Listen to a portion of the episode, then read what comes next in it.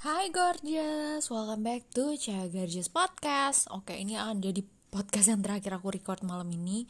So, uh, I just wanna say thank you buat teman-teman yang udah dengerin support podcast kita sampai sekarang karena there will be no further episode without you guys. Uh, dan hari ini aku pengen sharing tentang 5 cara buat jaga kesehatan pencernaan karena percaya atau enggak everything starts from uh, pencernaan dan banyak tiap kali record ada suara jam ya. Dan uh, banyak yang bisa terjadi kalau pencernaan kita bermasalah. Makanya aku rasa ini hal yang penting banget harus dijaga. Gangguan pada sistem pencernaan bakal bikin kita jadi nggak produktif. Apalagi kalau harus sampai terbaring di atas kasur buat istirahat ya nggak enak banget kan. Nah pastinya nggak pengen dong kita ngalamin itu. Makanya kita harus jaga kesehatan pencernaan. Yang pertama adalah dengan memenuhi kebutuhan air. Sebisa mungkin uh, air harian ya 2 liter tuh seenggaknya sehari itu kita penuhin. Karena ini akan bikin pencernaan kita berfungsi lebih baik kenapa? Lebih ringan.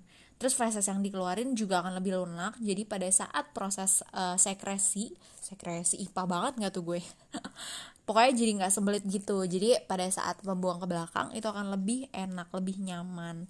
Karena kan lebih lancar ya. Yang kedua adalah konsumsi real food. Nah ini problemnya anak-anak zaman sekarang. Rasanya kita lebih banyak nemuin instant food dibandingin real food yang dimasak di rumah. Kalau aku sendiri yang puji Tuhan karena di rumah masih ada mama dan mbak yang setiap hari masak jadi selalu ketemu dengan uh, real food atau makanan asli.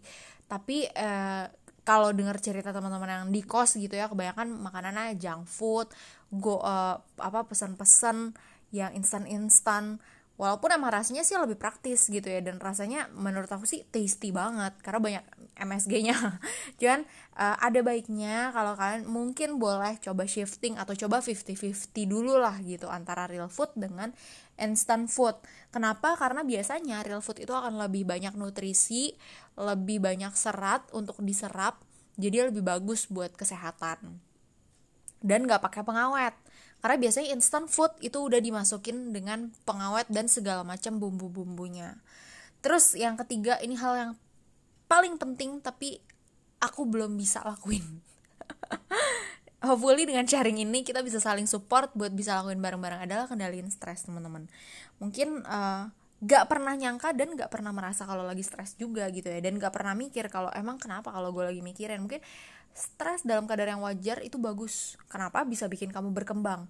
Tapi dalam kadar yang berlebihan ini bikin puyeng banget banget ngap ngap ngap jadi nggak kerasa kalau stres itu asam lambungnya naik dan akhirnya asam lambung yang naik ini akan bikin uh, pencernaan gak bagus. Banyak gas sakit mah dan bahkan kalau naik itu bisa ke ulu hati sakit bisa jadi ke nyeri dada dan sebagainya.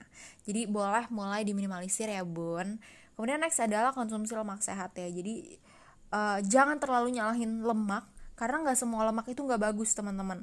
Ada lemak baik yang masih bisa kita konsumsi. Nah lemak sehat ini bisa jadi malah sumber energi yang berlimpah.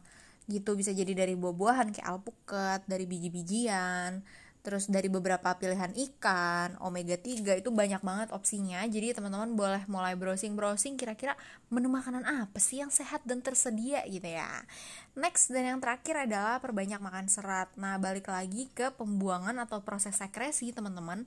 Karena uh, akhir dari proses pencernaan adalah akan dibuang kan. Jadi, kita perlu makan banyak serat supaya nanti yang di, diserap oleh tubuh juga bagus, banyak nutrisinya, tapi juga pembuangannya juga lancar dan nyaman. Nah, untuk konsumsi banyak serat ini bisa dari buah, bisa dari sayur. Ini yang paling dekat, cepat, dan gampang. Kalau buah susah, males ngupas segala macam, beli jus juga bisa.